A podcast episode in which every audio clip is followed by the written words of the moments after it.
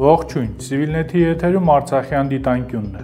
Այսօր խոսելու ենք նախորդ շաբաթվա ընթացքում հայ-ադրբեջանական համատեքստում տեղի ունեցած մեկ ուշագրավ իրադարձության մասին։ Հուլիսի 2-ին ադրբեջանական լրատվամիջոցները հայտնել են, որ Ադրբեջանի պաշտպանության նախարար Զաքիր Հասանովը կենտրոնական հրամանատարական կետում ծառայողական խորհրդակցություն է անցկացրել եւ հանրարարականներ տվել պատրաստ լինել ամեն պահի կանխել հայկական ռևանշիստական ուժերի կողմից հնարավոր սադրանքները։ Այս լուրը Հայաստանում լուրջ մտահոգությունների պատճառ է դարձել Հատկապես, որ Ադրբեջանի պաշտպանության նախարարությունում տեղի ունեցած այս խորհրդակցությունից օրեր առաջ Հայաստանի վարչապետ Նիկոլ Փաշինյանը հայտարարել է, որ Բաքուն նոր պատերազմի լեգիտիմություն է փորձում ձևավորել։ Վերոնշյալ հաղորդագրության տարածումից հետո ի սկզբանե པարզ չէր, թե ինչ նկատի ուներ Հասանովը խոսելով հայկական ռևանշիստական ուժերի հնարավոր սադրանքների մասին։ Բաքուն հետ պատերազմական փուլում ռևանշիստական ուժեր է անվանում Հայաստանի խորհրդանական ընդդիմության ներկայացուցիչներին,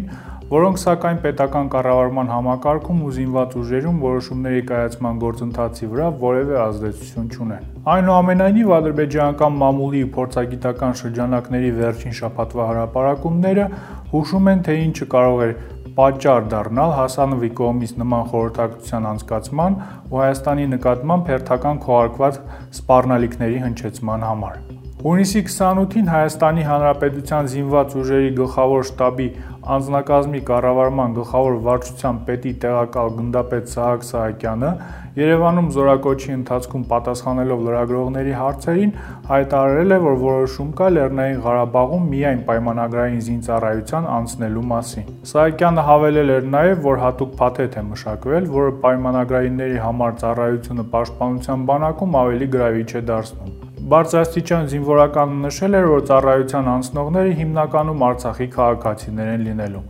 Լսենք Սահակյանի խոսքից մի հատված։ Ռազմաքաղաքական ղեկավարության կողմից որոշում է կայացվել Արցախում ծառայությունը իրականացում է այս պահին պայմանագրային զինծառայողներով։ Մեր վերջին զորակոչը 2020 թվականի ամռան զորակոչը ժամկետային հուլիսի 1-ից կզորացրվի մինչև օգոստոսի 30-ը այլևս Արցախում չեն կունենա ժամկետային զինծառայողներ։ Արցախի համար մշակված է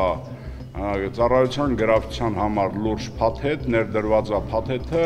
ըստ դրա պայմանագրային զինծառայողները համալրվում է ամբողջ Արցախի պաշտպանության բանակի թափուր հաստիկները։ Բայց դա բավարարում է։ Այո, բավարարում է։ Ես շեշտեցի, գրավչության բարձրացման լուրջ փաթեթ է ներդրված, դրա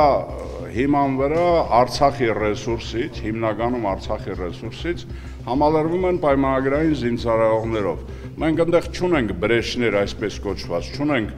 սահմանում ծառայության ներքին ծառայության մեջ խնդիրներ, որ չունենանք բավարար քանակի զորք ծառայությունը իրականացնելու համար։ Հավաստիացնում եմ ձեզ, որ այո, բավարարում է ծառայությունը կազմակերպում ենք պայմանագրային զինծառայողների ուժերով։